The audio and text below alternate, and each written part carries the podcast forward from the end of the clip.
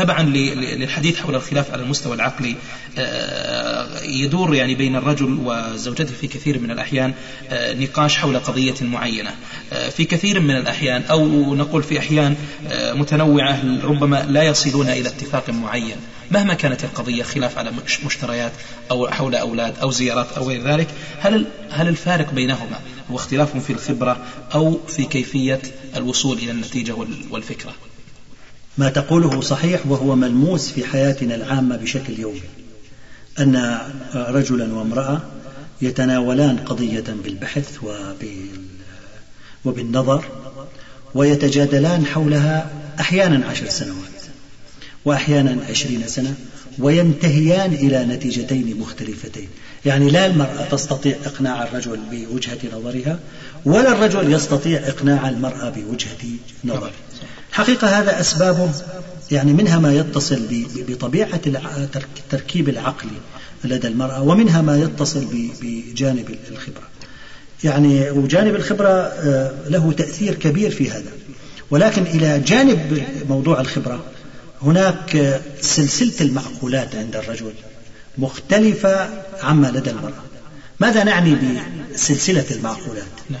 يعني منطلقات التفكير مرتكزات التفكير الأهداف من التفكير. لماذا نفكر؟ يعني كيف تفكر؟ لماذا تفكر؟ كيف تفكر؟ ولماذا تفكر؟ الاستدلال الاستدلال على الأشياء يعني نوعية الدليل الذي يسوقه الرجل على قوله ونوعية الدليل آه، يختلف وأمور أخرى عديدة.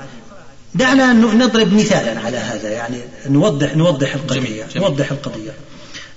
انظر معي إلى طريقة إدراك كل من الرجل والمرأة لأي قضية من القضايا أو أي مسألة من المسائل. مثلا حين يريد رجل رجل يفكر في مشروع مستقبلي يريد أن يخطط لمشروع من من المشروعات الرجل ماذا يعمل؟ يربط الأمور بعضها ببعض على شكل حلقات متصلة ويعمد إلى التدرج في رسم صورة للموضوع الذي يحاول معالجته. أما المرأة فإنها لا تفعل ذلك. أسلوب التفكير لديها يتسم بالتوسع. فهي تقوم برسم صورة كاملة للموضوع ليس على سبيل التدريج كما يفعل الرجل وإنما فورا تنتهي إلى إلى إلى صورة كاملة للموضوع من البداية. وهذا الحقيقة لأن الحدس والتخمين عند المرأة قوي جدا. قدرة المرأة على الحدث على التخمين قوية جدا. هذه القدرة تستغلها المرأة في أنها ترسم صورة كاملة من البداية للموضوع الذي تريد أن أيا كان, أي كان الموضوع. سواء كان اجتماعيا كان اقتصاديا كان تربويا كان, كان يتصل بمشكلة بمستقبل بتاريخ بأي شيء. أي قضية تتصورها تريد المرأة تصور تصورها تبني لها هيكلا مبدئيا من البداية اعتمادا على حدسها وتخمينها. وبعد ذلك تقوم بمحاولة اكتشاف كل الأجزاء المتعلقة بهذا الهيكل أو بهذه الصورة التي بنتها.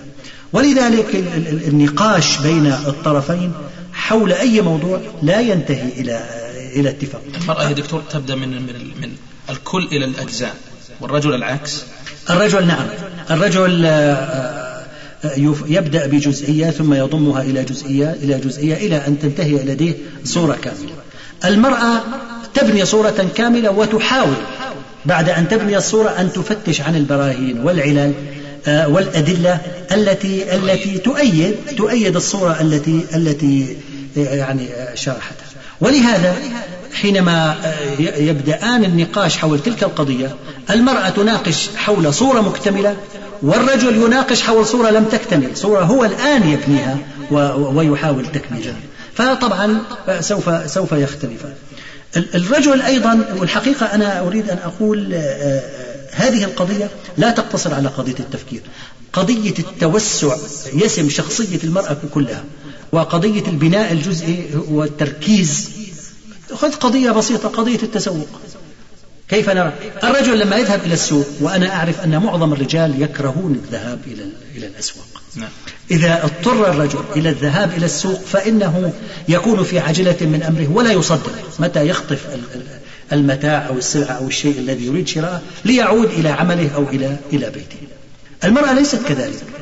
المرأة تدخل إلى السوق وفي ذهنها شيء محدد وفي غالب الأحيان تشتري مع ذلك الشيء أشياء كثيرة وذلك الشيء لا تشتري. نعم. يعني هي في مرة أخرى قد تشتري ذلك الشيء الأول وقد أيضا لا, لا تشتري. يعني عندها قدرة على أن, أن تراقب السوق وتنظر ما في السوق ولو لساعات.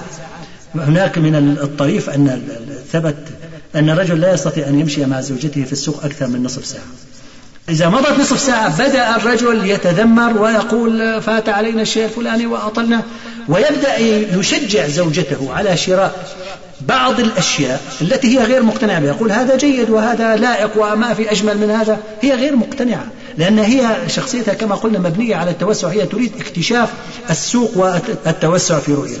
ربما آه، يعني بعض أصحاب الأسواق أدركوا هذا. أنت إذا دخلت إلى بعض الأسواق الكبيرة تجد هناك مثلا بركة ماء أو بحيرة ماء صغيرة وتجد حولها مقاعد هذه المقاعد أنا في تصوري وضعت في الأصل لأولئك الأزواج الذين خرجوا مع زوجاتهم آه، إلى السوق وهو لا يستطيع أن يمشي معها ثلاث ساعات أو أربع ساعات فيجلس ينتظرها إلى أن تنتهي هي من من شراء كل ما تريد.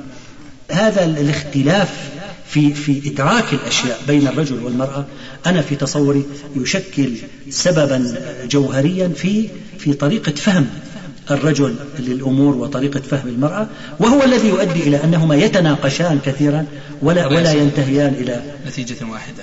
يعني حتى حتى في حتى في العلاقات الاجتماعية. حينما تنزل أسرة في حي جديد. المرأة لأن كما ذكرت شخصيتها يعني توسم بالتوسع المرأة تستطيع خلال أيام أن تقيم علاقات اجتماعية مع جاراتها في في في نفس العمارة أو في عمارات مجاورة. وربما علاقات عميقة يعني. وعلاقات عميقة ومودة واتصال يومي وحديث يومي. الرجل قد يحتاج إلى شهرين أو ثلاثة أشهر أو أربعة أشهر حتى يستطيع أن يعرف إقامة اسم أن يعرف اسم جاره أو أن يقيم معه علاقات يعني أقامتها المرأة في أسبوع مع جاراتها وهو لا يستطيع أن يقيم مع جيرانه هذه العلاقات لا في ثلاثة أشهر ولا في أربعة أشهر وربما يعني لا يستطيع إقامتها في سنة. هذا يدعونا إلى الت... طبعا حتى نربط الموضوع بما نحن بصدده يدعونا إلى إلى التأمل في مسألة الخلاف الزوجي. حول طريقة تفكير المرأة واستيعابها لهذا الخلاف وحول عجلة الرجل أحيانا في آه، حتى على مستوى التفكير وأنا أريد أن أسألك عنه يا دكتور يعني مسألة تفكير الرجل بمشاكله وتفكير المرأة. ربما تبتعد المرأة كثيرا آه، فنحن نبحث نعم عن نعم. تعليل لهذا الأمر. يعني قبل هذا يعني أنا حضرني أنه مثلا هناك شكوى دائمة. الحقيقة نحن قصدنا من هذا الحوار أستاذ عبد الله حتى يعرف الناس لماذا يختلفون. جميل. لأن كثيرا من الخلاف لو عرفنا لماذا يحدث فربما ينتهي. يعني أنت هناك شكوى عامة في كل البيوت من, من, من قبل جميع النساء أن زوجها مقصر في إيصالها إلى صديقاتها إلى المناسبات التي تقيمها بعض القريبات إلى إلى إلى يعني هناك شكوى عامة أن زوجها لا يأخذها وهي تشعر بالحرمان منها.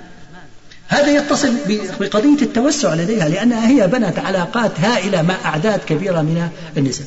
الرجل بالعكس يقول زوجتي دائما تنزل إلى الأسواق ودائما ترهقني بكثرة الإيصال إلى المشاوير. يعني أنا آمل أن هذه القضية تحل من أفق أن طبيعة المرأة ونظرة المرأة إلى الأشياء وتفكير المرأة مختلف عن تفكير الرجل لتدرك المرأة أن الرجل لا يتقبل أن يوصلها كل يوم آه، يعني إلى مكان ويأتي بها وأن يدرك الرجل أيضا من جهة أخرى آه، أن حاجة زوجته والتي هي كما قلنا مبنية على التوسع تقتضي منها أن تخرج في كل يوم أو في كل يومين إلى قريبة إلى عمة إلى خالة إلى جارة. يعني هذا شيء في في فطرتها وفي طبيعة تركيبها. وعلى مستوى التفكير الذي قلت لك عندما يعني يتناقش زوجان حول قضية أو عندما يعنى الرجل بمشكلة في عمله أو كذا ربما يكون صامت. نعم. والمرأة تستدرجه بأسئلة. نعم. أما المرأة فإنها أحيانا كما نلحظ لعلك تعلق على هذا الأمر آه، تبدأ بالمشكلة أمام زوجها من التفاصيل وكأنها تفكر يعني بصوت مسموع. الحقيقة الرجل أيضا هذا من كما تفضلت من وجوه التفكير بين بين الرجل والمرأة. الرجل حينما تعرض له مشكلة يحب أن أن يفكر فيها بشكل صامت. بشكل صامت ويعني يخلو بنفسه ليفكر في في قضيته. المرأة ليست كذلك. وهذا أعتقد أنه أيضا يتصل بجانب بجانب التوسع. نعم. أيضا المرأة حينما تفكر هي آه، تفكر بأسلوب المشاركة يعني هي تفكر في قضية وتتحدث عنها وهي تفكر الرجل يفكر ليتحدث بعد ذلك عما انتهى إليه لا المرأة تتحدث وهي تفكر وهي تفكر تتحدث وتطلب من زوجها من أولادها من إخوتها من أقربائها تطلب منهم أن يساعدوها في الوصول إلى إلى إلى حل ولهذا الرجل يتعجب حقيقة لأنه مو مدرك طبيعة الاختلاف بينه وبينها. الرجل يتعجب من تحدث المرأة عن أمور لم تبلور موقفها تجاهها. هو تعود أنه لا يتحدث في أمر إلا إذا تبلور في ذهنه صحيح. فهو لذلك لما يجد زوجته تقرر أشياء هي ليست واضحة في ذهنها. هو يتعجب من هذا وبالتالي يسمها بالعجلة. هي هي وهي تحدثك عن هذه الأشياء هي تفكر حينئذ. أو هي تطلب منك معونة لتعينها على على على بلورة هذه الأشياء. المرأة من جهتها تتعجب من صمت الرجل أثناء التفكير في في جلسة تجمعهما. يعني الرجل حينما يكون مهموما أو يكون مشغولا ويجلس مع زوجته هو يميل حينئذ إلى إلى أن يسكت أو إلى أن أن يصمت. المرأة تتعجب لماذا هو صامت ولذلك يعني قد تفسر صمته على أنه عبارة عن إهمال لها أو قطع للنقاش معها قبل قبل أوان انتهائه.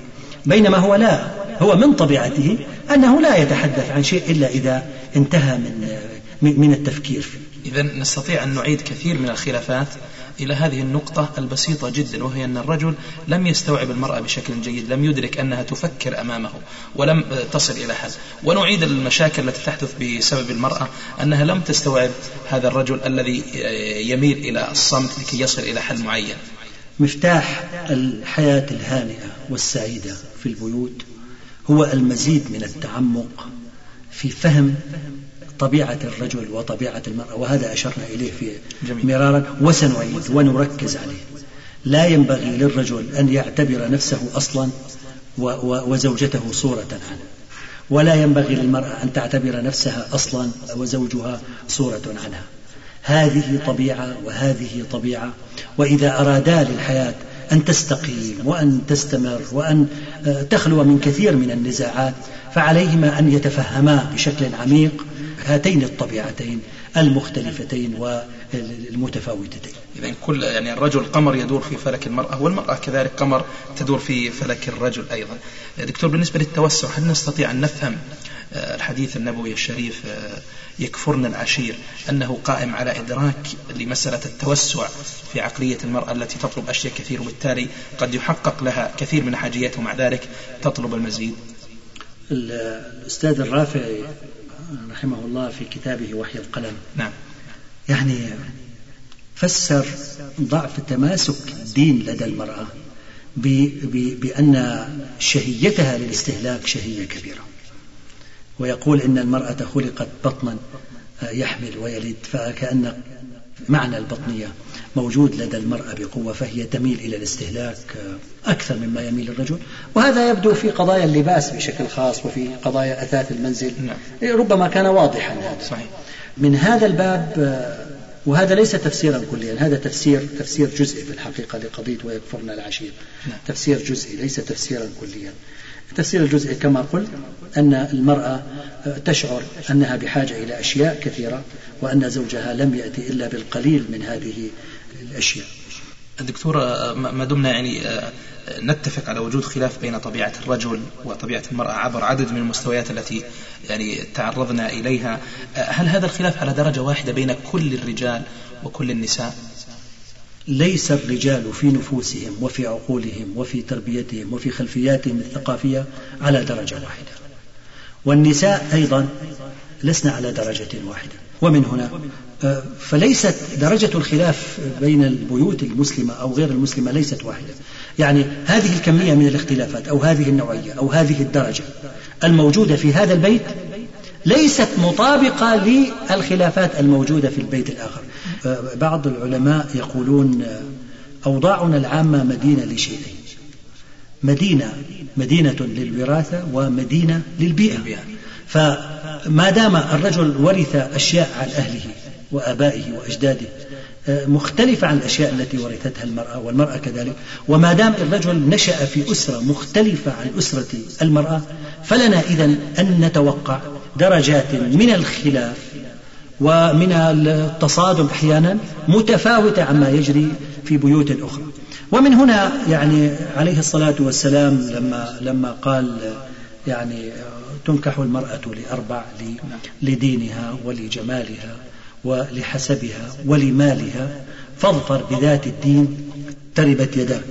يعني الحقيقة حينما تكتمل هذه الصفات في امرأة يعني لديها دين ولديها مال ولديها حسب ولديها جمال لا يعدل أحد عنها وتكون يعني مطلوبة ومرغوبة.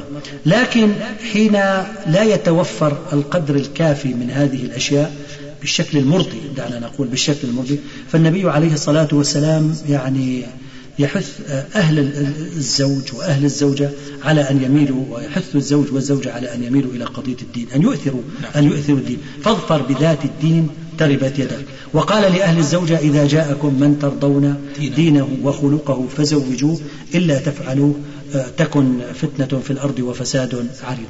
البيئة الأسرة المتدينة وبيئة الأسرة الشريفة النسيبة التي تبتعد عن خوارم المروءة تبتعد عن النقائص تبتعد عن الانحرافات هذه البيئة آه، يتربى فيها الأطفال من صبيان وبنات تربية أفضل وتنشأ فيها نفوس صحيحة وعقول آه، صحيحة وعادات جيدة أفضل بكثير من البيئة أو من الأسرة التي لا تتوفر فيها هذه هذه الصفات. جميل دكتور. هل يمكن أن نقول أن التدين كل من الزوجين يعني كاف لتقليل الخلاف بينهما أم لابد من من توافر الشروط الأخرى الاتفاق اجتماعيا واقتصاديا ومستوى يعني مقبول من الشكل؟ لا شك أولا يعني دل العديد من الدراسات على أن نسبة الطلاق بين المتدينين أقل من نسبة الطلاق بين الناس الذين ليس لديهم يعني درجة جيدة من التدين أو ليسوا متدينين.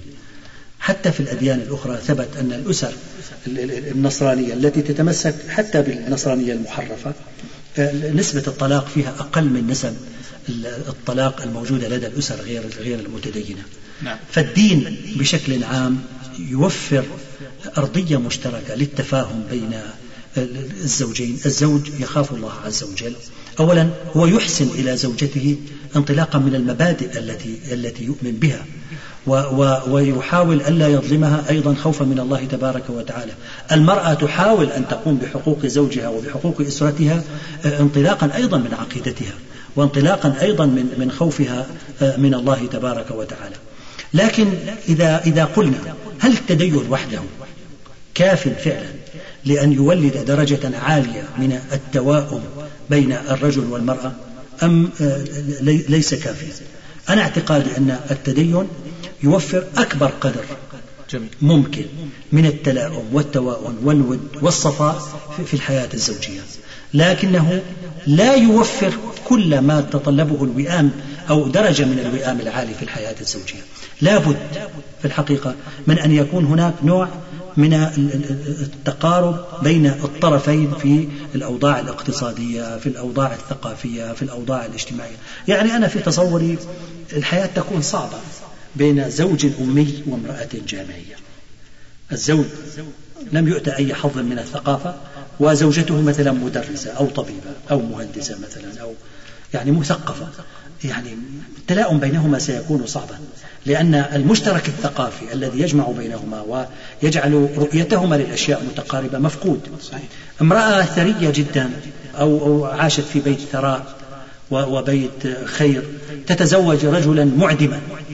هي ستشعر دائما يعني ستشعر بنوع من الغبن وأيضا ستثقل كاهله بمتطلبات وبأشياء لا يستطيع هذا الرجل توفيرها وإحضارها حتى أنا أقول حتى من حيث الشكل يعني آه، لما يكون هناك امرأة حسناء وتزوجت برجل دميم أو أقل من عادي أقل من عادي نعم.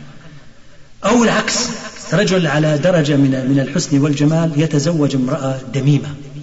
أنا أعتقد أن هذا أيضا لا لا يقربهما خطوة من الاتفاق هو يبعدهما. ولما يكون دائما الذي فيه صفة نقص سيشعر أنه محظوظ الطرف الآخر سيشعر أنه مغبون.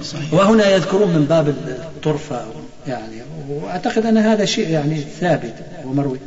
أن يعني امرأة حسناء كانت قد تزوجت رجلا دميما. نعم فقالت له ذات يوم رزقت مثلي فشكرت ورزقت مثلك فصبرت والشاكرون والصابرون في الجنة. جميل. طبعا ظاهر العبارة أن المرأة يعني الحمد لله يعني فازت بالجنة ها والرجل أيضا فاز بالجنة وهذا شيء جميل. لكن العبارة أيضا تحمل في ثناياها نسق آه، آه، شيئا آخر. نعم. يعني تحمل معنى معنى فرعيا. هي تشعر بأنها كانت تستحق رجلا أفضل من هذا الرجل.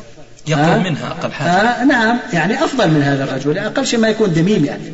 نعم. ولذلك هي عدت نفسها في في الصابرين. يعني هي لأنها نالت أقل مما مما كانت تود أو, أو ترغب الحصول عليه فعدت نفسها في الصابرين. وكأنها تقول له أيضا عليك أن تشكر الله عز وجل الذي أكرمك بشيء ربما كنت لا تستحقه. وربما كان غيرك يعني أولى, آه، أولى. طبعا هذا يا دكتور لا يتنافى مع لا نؤسس آه، لوجوب أو آه، نفترض أن كل زوجين يختلفان على مستوى اقتصادي أو اجتماعي أو شكلي أو حتى ديني أن مصيرهما إلى الفشل. طبعا لا. نحن لا نؤسس ذلك لكن نتكلم كما قلت أنا أنبه المستمع نتكلم عن شكل. عام هناك كثير من الأسر استمرت في حياتها الزوجية ولكن على مضض. استمرت على مضض. وهناك خلافات وهناك أزمات. نحن حينما نذكر التقارب في هذا فلا نقول أنه إذا كان هناك تفاوت في الشكل أو تفاوت في المال فمعنى ذلك أن الحياة سوف تتحول إلى جحيم. نحن نعرف بعض الأسر لكنها ليست كثيرة نسبتها ليست عالية. فعلا فيها خلل خلل في في وضعية الزوجة والزوج أو في هناك تباعد بين الوضعيتين ومع ذلك بسبب نبل المرأة أو نبل الرجل أو تدينه أو كرمه سارت السفينة. لكن نحن الحقيقة لا ننظر الآن لحياة بأي ثمن أو لا ننظر لأي حياة زوجية. نحن نريد حياة زوجية يتوفر فيها الوئام يتوفر فيها السعادة يتوفر فيها الاستقرار الطمأنينة. إذا أردنا هذا ونحن أيضا من وجه آخر لا نتكلم عن قوانين صارمة. دائما في القوانين الاجتماعية ليس لديك أفكار صلبة ليس لديك قوانين صلبة ليس لديك معطيات صلبة. نحن نتكلم على الغالب.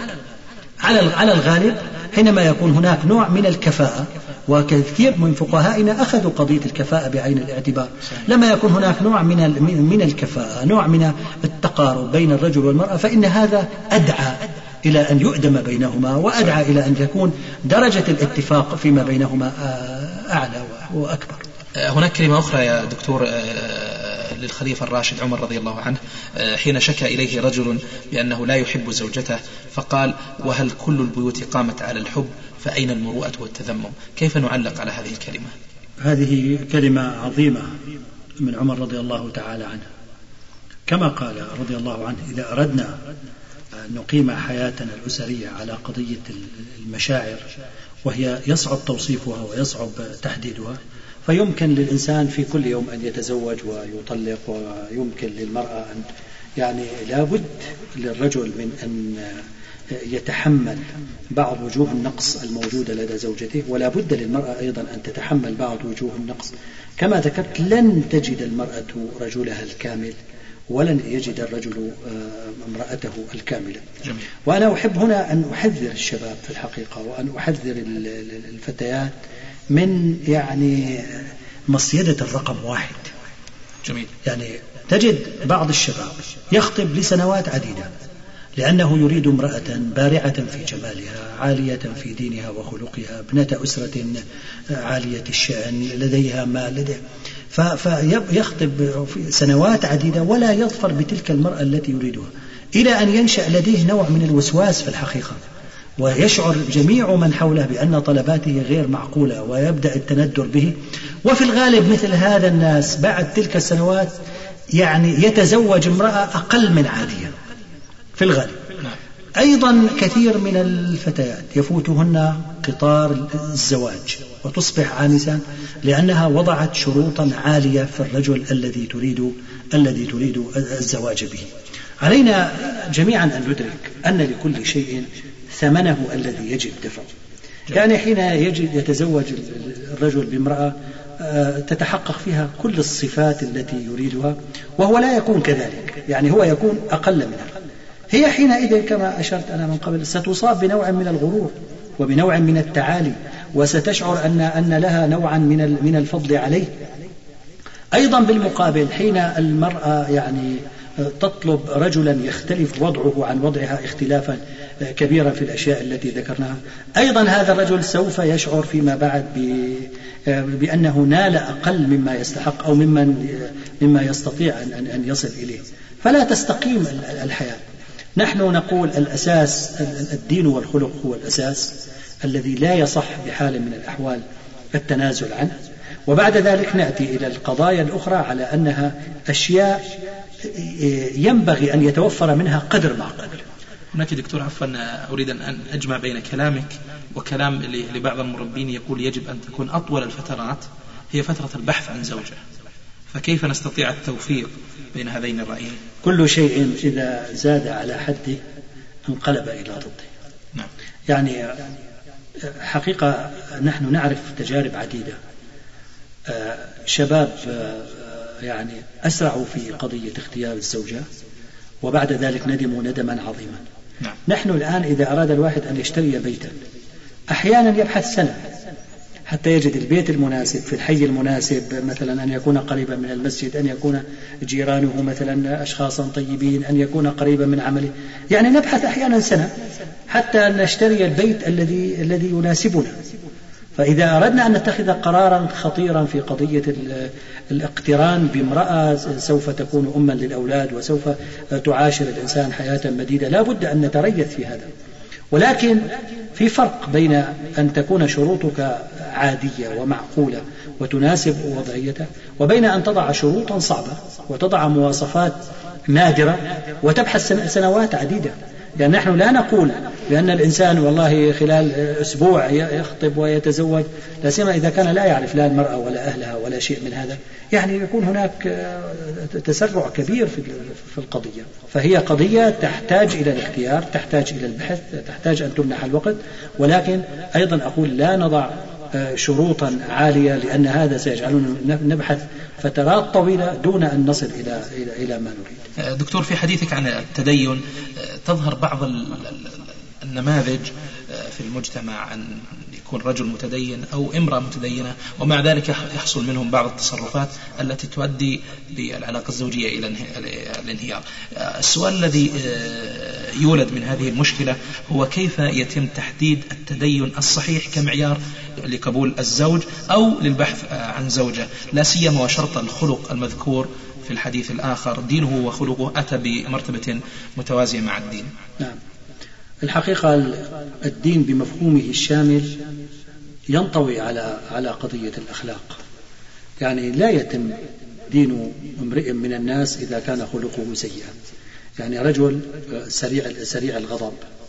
رجل عنده شيء من اللؤم شيء من الغدر عدم الوفاء شيء من بذاءة اللسان.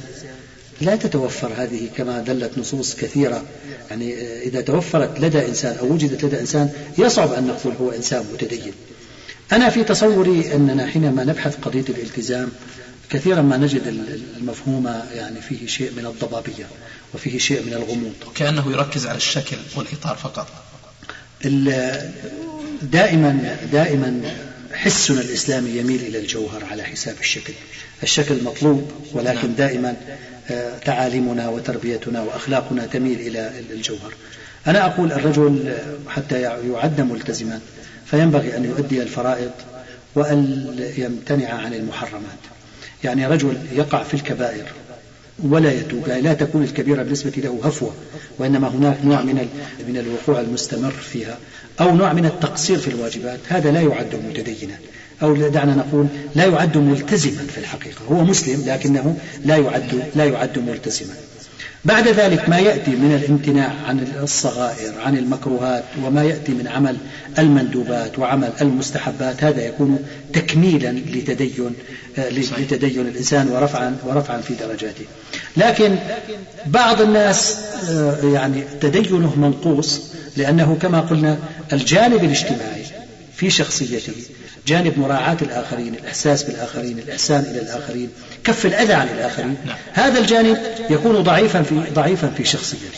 والحقيقة هذا يؤثر تأثيرا كبيرا في في حياة الأسرة. ولذلك ربما من هنا جاء إذا جاءكم من ترضون دينه وخلقه. لأننا أحيانا آه، يعني بعض الناس قد لا ينظر إلى قضية الخلق الخلق الاجتماعي يعني أقول الخلق الاجتماعي. وأخلاق الإنسان الحقيقة لا تظهر إلا في الحياة الاجتماعية. أخلاق الإنسان لا تظهر إلا في الحياة الاجتماعية. فكأن الحديث الشريف يعني ينبهنا إلى إلى إلى أن نأخذ بعين الاعتبار الجانب الاجتماعي في شخصية الإنسان. يعني ما لدينا كما يعني قلت ما لديه من من من مشكلات أخلاقية مثل كما قلت السب الشتم اللعن الغدر الكذب نعم. عدم القيام بحق الأمانة يعني الخيانة. هذه القضايا أن, أن تلاحظ هل هي موجودة في في أسرة هذا هذا الشخص في, في سيرته الذاتية في كذا. يسأل يسأل عنه أهله يسأل عنه أصدقائه جيرانه زملائه حتى الإنسان يصل حقيقة يطمئن أن الدين والخلق آه، يعني كل منهما موجود لدى هذا لدى هذا الإنسان. عفوا يا دكتور بقدر ما ترتفع وتيرة الاهتمام بالجوهر على حساب بالجوهر والشكل في في النص الإسلامي آه، نجد في الواقع آه، اهتمام بالشكل وإهمال الجوهر. ربما آه، أب يسأل عن عن أشياء شكلية في الزوج أو في المتقدم لابنته وينسى السؤال عن أشياء جوهرية. لا أقول فقط الصلاة وهي أمر مهم ربما ينسى أن يسأل عن مدى تواصله مع عائلته عن مدى بره بوالديه وتصور أن هذه كلها أمور يعني كلامك السابق يؤكد عليها. في الجهة الأخرى هناك من يقلل من جميع الشروط السلوكية بما فيها الدين ويقدم نصيحته للشاب ويقول ابحث عن الجمال فقط فإن الدين تستطيع أن, أن, أن تنميه والسلوك. أما الجمال فلا وتتوارث الذاكرة الشعبية يقولون المرأة على دين زوجها. ما أدري رأيك؟ أنا رأيي يعني أن هذا نظر قاصر للأمور. المرأة ليست يعني عجينة لينة تكيفها بيدك كما كما تشاء. آه، لما واحد يتزوج امرأة هذه تكون قد تكون في العشرين أو في الخامسة والعشرين أو, أو قد تكون في الثلاثين أو في الأربعين حتى. صحيح. حتى لو كانت في الخامسة عشرة.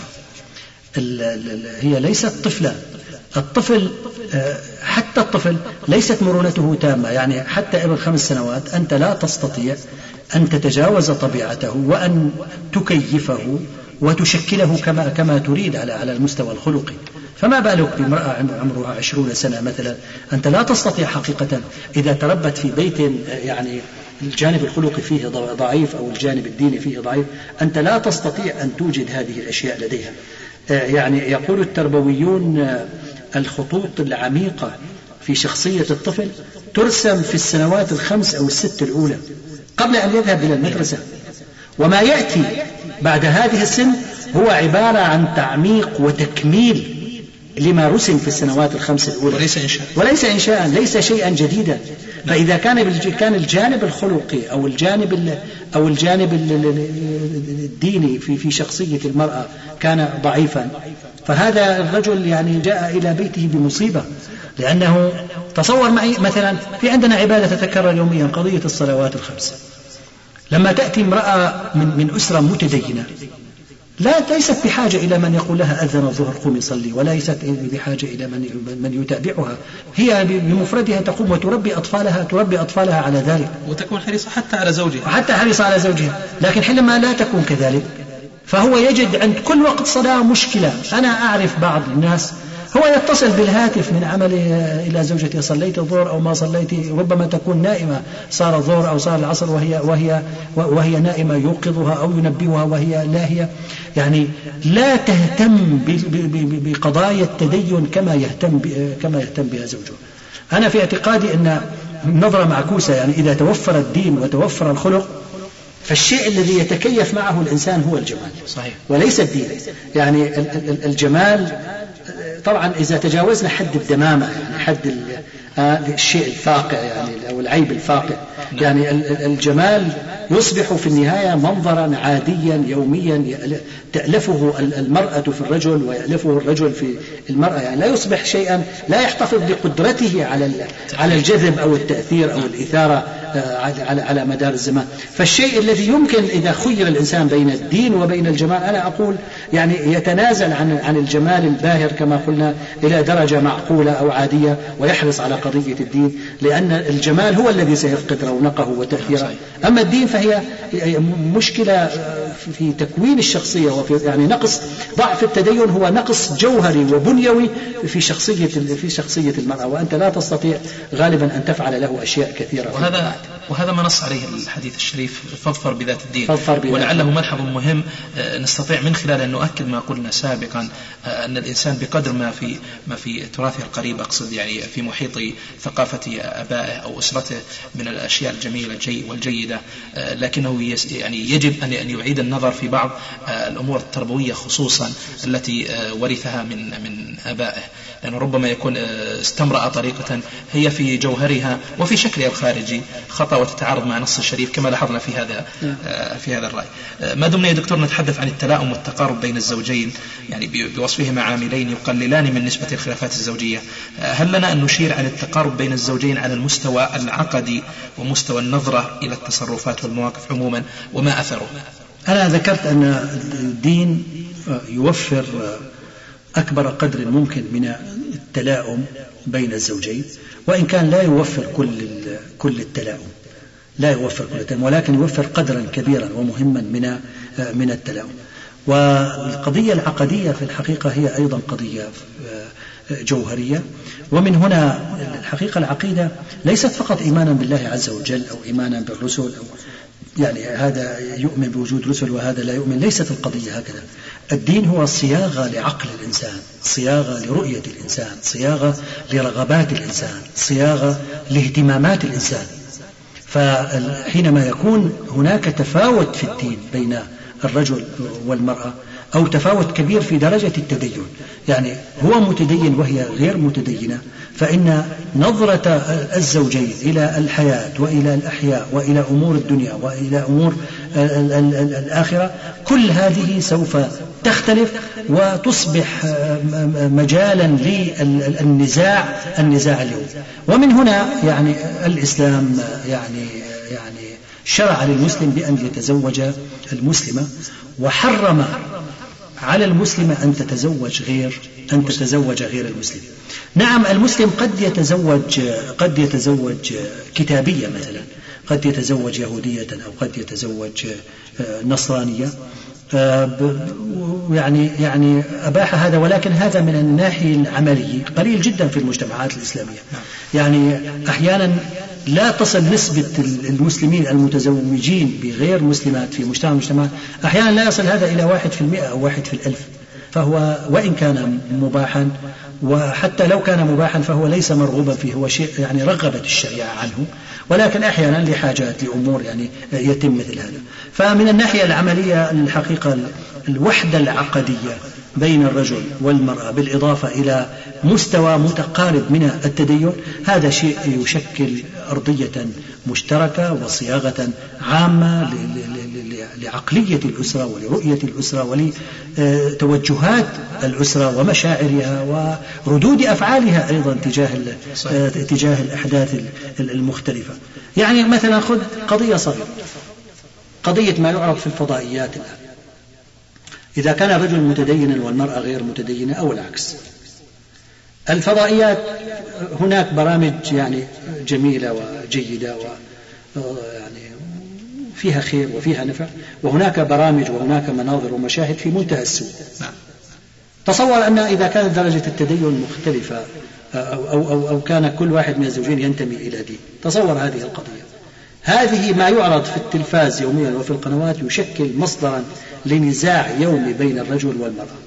الرجل يرى أنه في رؤيته لهذه المشاهد هذا شيء عادي وبسيط وكذا والمرأة ترى مثلا أنه لا يصح أو أو يكون أو يكون العكس. وهذا يترك أثره بشكل أكبر حتى على على الأطفال. الأطفال يترك أيضا على الأطفال يعني الطفل يصبح ممزقا. أيهما هو الصواب؟ النموذج الذي يقدمه والده في تعامله مع هذه الأشياء أم النموذج الذي تقدمه والدته؟ فالوحدة العقدية ومستوى متقارب من التدين هذه قضية لا ينبغي التنازل عنها مهما كان الشأن ومهما كان الظرف. دكتور بالنسبة يعني وقد تحدثت عن الأطفال. إذا كان الأطفال أو للأطفال دورهم في نشأة الخلاف فما مدى تأثير هذا الخلاف الذي ينشأ بين الزوجين؟ أين أيا كان نوع هذا الخلاف؟ على حاجة الطفل إلى الأمن النفسي في عائلته؟ وهل يمكن أن تترك هذه الخلافات آه، أثرها على مستقبل الطفل النفسي أو الزوجي فيما بعد. طبعا كما أشرت قبل قليل نحن لا نتكلم عن قوانين رياضية. نعم. نحن ما دمنا نتكلم في الحقل الاجتماعي فنحن نتكلم عن قضايا مضمونة ومحتملة. جميل. أنا أعتقد أن تلاؤم الأبوين واتفاقهما في القضايا الجوهرية والأساسية يساعد الأطفال على تكوين رؤية واضحة للأشياء ويساعد الأطفال أيضا على أن تكون لديهم نفسية مستقرة ومطمئنة. النزاع اليومي بين الزوجين يجعل الطفل حائرا وخائفا في آن واحد. يعني تصور طفلا في الثانية أو في الثالثة يرى أباه يضرب أمه. ماذا يفعل؟ يعني هذا أبوه وهذه أمه. ليس هو بقادر على أن يحمي أمه وليس هو بقادر على أن يمنع أباه. ليس هو بقادر أن يفهم أمه أن تتحمل. وليس هو بقادر على أن يفهم أباه أن هذا العمل الذي يقوم به هو عمل شائن وعمل لا ينبغي له. فالطفل الذي ينشأ في أسرة متنازعة متخاصمة مختلفة. طبعا الخلاف كما قلت والنزاع هو غير العادي يعني النزاع الذي يصل إلى حد التهكم والسخرية والاستهزاء والضرب والعنف لما تصل الخلافات وتسفيه الرأي بشكل يومي وبشكل يعني نوع من المناوشات الأسرية الدائمة. لما يصل مثل هذا الخلاف إلى مثل هذا المستوى فإن هذا يكون انعكاسه على على شخصية الأبناء انعكاسا سيئا. يصبح قد يصبح الأطفال حائرين لا يعرفون الصواب من الخطأ بل قد لا يعرفون الخير من الشر لا يعرفون ما يليق مما لا يليق. وهم لا يستطيعون لا الاستغناء عن أبيهم ولا الاستغناء عن أمهم وهم يرون في أبيهم قدوة ويرون في أمهم قدوة. فهذا يشكل يعني مشكلة كبرى في حقيقة الأمر. ومن هنا فإن من نبل الرجل ومن نبل المرأة ومن كرم الرجل ومن كرم المرأة أن أن يحاول التخفيف من هذه الخلافات مراعاة لهؤلاء الأطفال. وإن كان لابد من النقاش ومن النزاع فليكن في غيبة الأطفال. جميل. تقول له أو يقول لها هذا الحديث الآن ليس الآن. يعني إذا أدرك الرجل أن النقاش حول قضية معينة سيؤدي في النهاية إلى إلى الصياح وإلى النزاع يقول لها نناقش هذا الموضوع فيما بعد. والآن دعونا من هذا.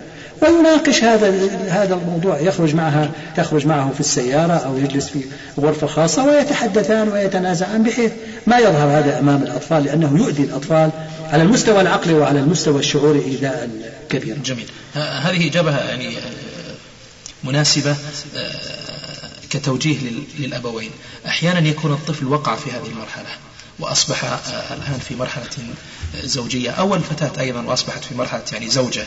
آه، إذا نشأت الفتاة أو الفتاة في أسرة آه، لم تراعي أمنهم النفسي والاجتماعي وغير ذلك وتخصصت في جامعة أو سمعت إلى أشرطة أو التحقت بدورة تربوية السؤال ألا يمكن لهذا أن يعوض عن الضرر الذي وقع للفتى أو للفتاة؟ نعم أنا ذكرت أن الأسرة تكون لدى الطفل اتجاهات وتكون له لديه مشاعر وتكون لديه آه، مسلمات. وهذه قد تكون خاطئة وقد تكون آه، مصيبة وقد تكون جيدة وقد تكون آه، سيئة. حينما يكبر هذا الطفل ويصبح رجلا الطفل الذي نشأ في أسرة كما تفضلت أسرة يعني وضيعة أو أسرة مملوءة بالمشكلات. حياتها مملوءة بالنزاعات لا شك أنه إذا صح له آه، يعني تعليم جيد أو آه، مثلا آه، صح له دراسة جيدة وقراءة جيدة أو تخصص كما قلت مثلا في التربية. امرأة نشأت في أسرة سيئة لكن هي صارت مدرسة للتربية أخذت مثلا دكتوراه في التربية واكتشفت أن كثيرا من الأساليب التربوية التي كانت تربى على أساسها هي أشياء خاطئة. لا شك أن هذا يؤثر في تعاملها مع زوجها ويخفف من الآثار السيئة التي اكتسبتها أثناء نشأتها الأسرية. لكن هذا ليس دائما. يعني آه، نحن آه، حياة معظم الناس مطبوعة بالتقليد. يعني مفطور كثير من الناس على أن يأخذ ما قاله أبواه حتى لو صار كبيرا على أنه كان شيئا جيدا وكان شيئا آه، صحيحا. ويحاول يعني الزوجة تحاول أن تعامل زوجها كما رأت أمها تعامل أباها. والرجل يعامل زوجته كما رأى أباه يعامل يعامل. ما هذا في الغالب؟ لا سيما أن انتشار الثقافة وانتشار الوعي لدى المسلمين أو لدى كثير من المجتمعات الإسلامية ما زال محدودا. صحيح. يعني لو لو قلنا كم من الأزواج قبل أن يبني بزوجته ويقيم أسرة آه، يقرأ كتابا أو يسمع إلى إلى شريط أو إلى محاضرة أو يدخل دورة مثلا كم منهم من يفعل هذا؟ نسبة قليلة يعني من الناس. ومعظم الناس يتعاملون مع بعضهم على ما ألفوه في في في أسرهم حينما حينما كانوا صغارا لكن أنا أقول لا شك أن نوع من التثقف نوع من التعلم سيخفف كثيرا من الأخطاء التي ربي على أساسها الأطفال لما كانوا صغارا أو الرجال لما كانوا صغارا إذا كلامك هذا يا دكتور يؤكد ما أيضا ما ذكره علماء الاجتماع والنفس حتى من من القدامى على أن السلوك قابل للتغير وقابل للتغير عن طريق العلم أو الممارسة وهذا جيد.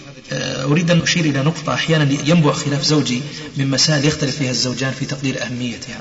آه، كالاستقلال بمنزل الدراسة المصروف الشهري الخادمة آه، الزيارات مثلا هل الأفضل تحديد هذه النقاط والاتفاق حولها قبل البدء في الحياة الزوجية بوصفها شروطا يجب أن يلتزم بها الزوجان أم تترك لاتفاقهما بعد الزواج لا سيما وكثير من الأزواج آه، من الشباب يأنف من الشروط الملزمة قبل الزواج ويرى أن فيها نوعا من الإلزام الذي لا يتناسب مع الوئام الزوجي.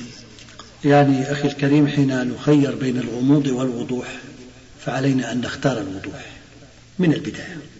هناك آه، شباب يخطبون وهو ليس عنده قدرة على فتح منزل مستقل فيسكن زوجته مع أهله.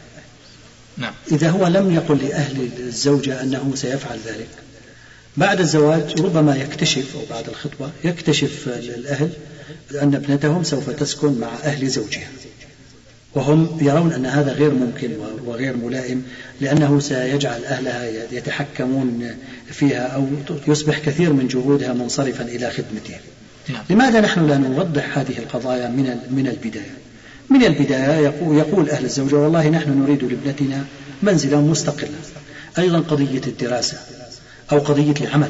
من البداية تقول هذه الزوجة والله أنا مدرسة وأنا لا أستطيع إذا تزوجت إلا أن أعمل. فأنا أرى أنه ليس في هذا ما يخرم مروءة وليس في هذا ما يزعج خاطرا. ينبغي أن ندخل على وضوح لكن دعنا نكمل هذا الوضوح بالتسامح. جميل. نكمل هذا الوضوح بالتسامح يعني نكون واضحين. ولكن أيضا لا نتعامل مع بعضنا في وفق هذا التحديد الحاد للشروط التي وضعناها. الحياة الزوجية ليست صفقة. والرجل لا يتعامل مع زوجته والزوجة لا تتعامل مع زوجها كما يتعامل تاجر مع تاجر يتحاسبان على الهللة أو على القرش. ليست كذلك الحياة الزوجية. إذا بقدر ما هو مطلوب الوضوح نعم. يطلب شيء آخر يطلب الوضوح ويطلب التسامح لأنه أحيانا يعني تصور رجل قال لأهل زوجته أنه سيسكنها في بيت منفرد وفعلا أسكنها وبعد سنة من ذلك فقد عمله ما عاد عنده عمل لأمر ما لحادث جرى معه لأزمة بطالة لأي شيء لأي شيء جرى. واضطر أن يعود ويسكن مع أهله لأنه ما عاد قادرا على دفع أجرة أجرة البيت. هم في البداية كانوا واضحين. فما ينبغي هنا على المرأة أن تفعل؟ هل يا ترى تطلب الطلاق لأن زوجها ما عاد قادرا أن يسكنها في بيت مستقل أم تصبر وتسامح وتقول إن شاء الله هذه قضية عارضة وغدا تعمل إن شاء الله وتتحسن الأمور وتعود. فأنا أقول شيئان مهمان وضوح تام ونكمل هذا الوضوح بالتسامح بمقدار آه، ما نستطيع. خاصة مع أن أهل الزوجة لم يوافقوا أهل هذا الزوج ويملوا عليه شروطهم إلا وقد اقتنعوا بالدين وبالخلق وبأشياء هي الجوهر بذاتها ويبقى الأشياء الشكلية مهمة آه، بقدر آه، ما قلت الوضوح والتسامح. أريد أن أسأل بسؤال رديف ومهم في الآن نفسه. كيف يتفق الزوجان على هذه المسائل؟ ويذكر أن الفهم الحقيقي لطبيعة الزوج أو الزوجة قبل الاقتران مهم لتفادي كثير من العقبات. هذه الأهمية التي يذكرها التربويون باختلاف أديانهم باختلاف توجهاتهم. كيف نستطيع أن نحقق القدر المهم في إطار فهم خلقي وإسلامي قويم؟ نعم. بمعنى أن يتعرف الرجل أو الزوج على زوجته بشكل جيد في إطار خلقي وإسلامي قوي. الحقيقة هناك وسط وإفراط وتفريط. يعني في مجتمعاتنا الإسلامية هذه الأوضاع الثلاثة وسط وإفراط وتفريط. هناك إفراط في بعض المجتمعات بمجرد أن آه، تكون هناك خطوبة آه، يتعامل الخاطب مع خطيبته وكأنهما صارا زوجين. يعني تخرج معه إلى مطعم أو إلى أو إلى نزهة وتركب معه في السيارة ويذهبان هنا وهناك ويجلسان الساعات الطويلة في غرفة بشكل آه، منفرد. الحقيقة الخطبة خطبة النكاح ليست عقدا. وهذه البنت تبقى أجنبية عنه ما لم يعقد القران. إذا ما تم القران فهي أجنبية عنه. أول شيء هذا حرام. يعني قبل أن ننظر إلى المشكلة. القضية حرام. يحرم على رجل أن يخلو بامرأة ولا يربط بينهما إلا الخطوبة. لابد إذا كان هناك قران فهي زوجته من الناحية الشرعية زوجته كل ما قبل القران كل ما قبل القران كل ما قبل القران مهما كان من خطبة أو وعد بالزواج أو شيء أو يعني هذا لا يعتبر شرعا ولا ينظر إليه وهذا فيه يعني فيه إفراط في قضية مراعاة قضية التعرف تعرف نعم. الفتاة. هناك أيضا قضية تفريط. هناك رجل يخطب امرأة ولا يعقد القران إلا في ليلة في ليلة الزفاف والرجل والفتاة متدينة والفتى متدين. يعني هو رآها خمس دقائق حينما مثلا زار أهلها وقدمت له كأس الشراب رآها مرة واحدة لمدة خمس دقائق. وحتى الرؤية ربما بعضهم. وبعضهم حتى هذه الرؤيا نعم. النقطة في آخرها نعم هذه الرؤيا قد يعني يرون فيها نوعا من المنقصة أو يرون أنها غير ملائمة أو غير مناسبة. الشيء الوسط أنا في تصوري وهذا ليس من الناحية الشرعية. من الناحية الشرعية آه، لو أراد الإنسان أن يكتب آه، يعني أن أن يعقد قرانه في ليلة الزفاف أو قبل الزفاف في خمس دقائق ليس عليه شيء. لكن نحن ننظر إلى جانب التفهم. يعني ما الذي يساعد المرأة على أن تفهم الرجل ويساعد الرجل على أن يفهم المرأة؟ أنا أقول ينبغي أن يكون هناك فاصل بين القران وبين الزفاف. يعني يكون هناك مدة شهر أو شهران أو ثلاثة أشهر أو أربعة أشهر. حينما آه، يكون هناك قران إذا هذه المرأة ستظهر بطبيعتها آه، أمام هذا الرجل وهو أيضا سيظهر أمامها. يعرفها عن كثب وتعرفه وبعد ذلك قد يمضيان على بركة الله ويتمان الزواج أو آه، يعني هو يقول والله أنا وأنا أعرف حالات كثيرة. حالات كثيرة بعد القران وخلال هذه الفترة الانتقالية بين القرآن والزفاف فعلا حدث طلاق لأن البنت اكتشفت في الشاب صفات سيئة أو اكتشف فيها هو صفات سيئة فانتهيا إلى نهي أنه ما صار هناك زواج ولا صار هناك آه، حمل مثلا وأولاد وما ما حدث هذا. يعني أنا أقول مثل هذا قد يكون شيئا شيئا آه، مرغوبا. لكن أيضا ألفت الانتباه إلى شيء وهو أنه آه، ما يقال في أيام الخطبة يعني يظل نسبي الصواب أو خليني أقول نسبي المصداقية. يعني ما يقوله الإنسان ولو كان قد يعني قد عقد قرانه ما يقوله للفتاة وما تقوله الفتاة لا ينبغي له أن يأخذه على أنه يعني كامل الصدق ولا ينبغي لها أن تأخذه. حتى في بعض المجتمعات في هناك نوع من التقليد في بعض المجتمعات الغربية أن الفتاة بعد فترة خطوبة طويلة لما تجزم فعلا على قضية الزواج وطبعا تقاليدهم وأمورهم والتزامهم مختلف تماما. لكن هي تقول له الآن يعني اتفقنا على قضية الزواج و يعني نعقد القران لكن أريدك أن تقول لي كل الكذبات التي كذبتها علي أيام الخطوبة. نعم. قل لي ماذا كذبت علي حتى الآن أنا أدخل على نور و... وعلى على صدق. يبدأ هو طبعا يقول لها كذبت عليك في كذا وفي كذا وفي كذا. فيعني أنا أقول مهما طالت فترة القران آه، لا يكون الاكتشاف آه، كاملا من كلا الطرفين ولكن يعني تكشف أشياء جوهرية وكثيرة. جميل. دكتور ما دور المجتمع والعائلة بتثقيف الأزواج بكيفية التعامل السليم والراقي خاصة وبعض المجتمعات العربية تنتج ثقافة رديئة كان يقال آه، وصية للزوج اذبح القط من أول ليلة أو كن شديدا ويقال للمرأة آه، لا تتركيه يرتاح. أريه العين الحمراء. آه، أقضي على ماله قبل أن يستخدم هذا المال بالزواج من أخرى. أو انتشار تجارب رديئة تجارب زوجية رديئة تنتشر كتجارب يعني واقعية منتشرة. الحقيقة الرؤية الإسلامية في هذا أن الإنسان كلما تقدم كلما ترقى يدير حياته عن طريق المعرفة وعن طريق العلم ويحل مشكلاته عن طريق الفهم وعن طريق الروية وعن طريق اللطف أيضا. أنا أعتقد هذه الكلمات التي أو الأمثال أو المقولات التي تعود الناس إطلاقها لتحميس الزوجة ودفع الزوج إلى أن يبدأ حياته الزوجية بنوع من الشدة والصلابة. أنا أعتقد أن هذا من يعني من بقايا عصور الانحطاط. المرأة المسلمة وأهل الزوجة المسلمة لا يوصون أو يعني أهل الزوجة وأهل الزوج لا يفتتحون هذه الحياة بوصايا مثل هذه الوصايا. وإنما المفروض أن يعني يوصون ابنتهم بأن تكون مطواعة لزوجها أن تقوم بحقوقه ومعروف المرأة البدوية التي التي نصحت ابنتها بالنصيحة الذهبية نعم. المدونة في الكتب. يعني أهل الرجل يحثونه على أن يعني يؤدي حقوقها أن يكون لطيفا معها أن أن يساعدها أن يقدر موقف أهلها. يعني تبتدئ الحياة ليس بدفع كل طرف إلى أن أن قضية قضية ليست معركة. نحن لسنا مقبلين على معركة حتى حتى يوصي بعضنا بعضا بأن نكون أشداء. نحن مقبلون على إقامة أسرة يسودها اللطف والمحبة والخلق والتدين والمراعاة والتنازل والتسامح. وينبغي على أهل الزوجة وعلى أهل الزوج وعلى المجتمع أن يوجه العروسين في هذا في هذا الاتجاه اتجاه التفاهم والتراحم. لكن حينما يوصى بالتسمية آه، يوصى بالصلاة يوصى بالسنة. نعم للأسف الشديد كثير من الناس آه، يعني بعيدون عن الروح الإسلامية في هذه القضايا وينظرون إلى الحالات الخاطئة وليس إلى الحالات الصحيحة.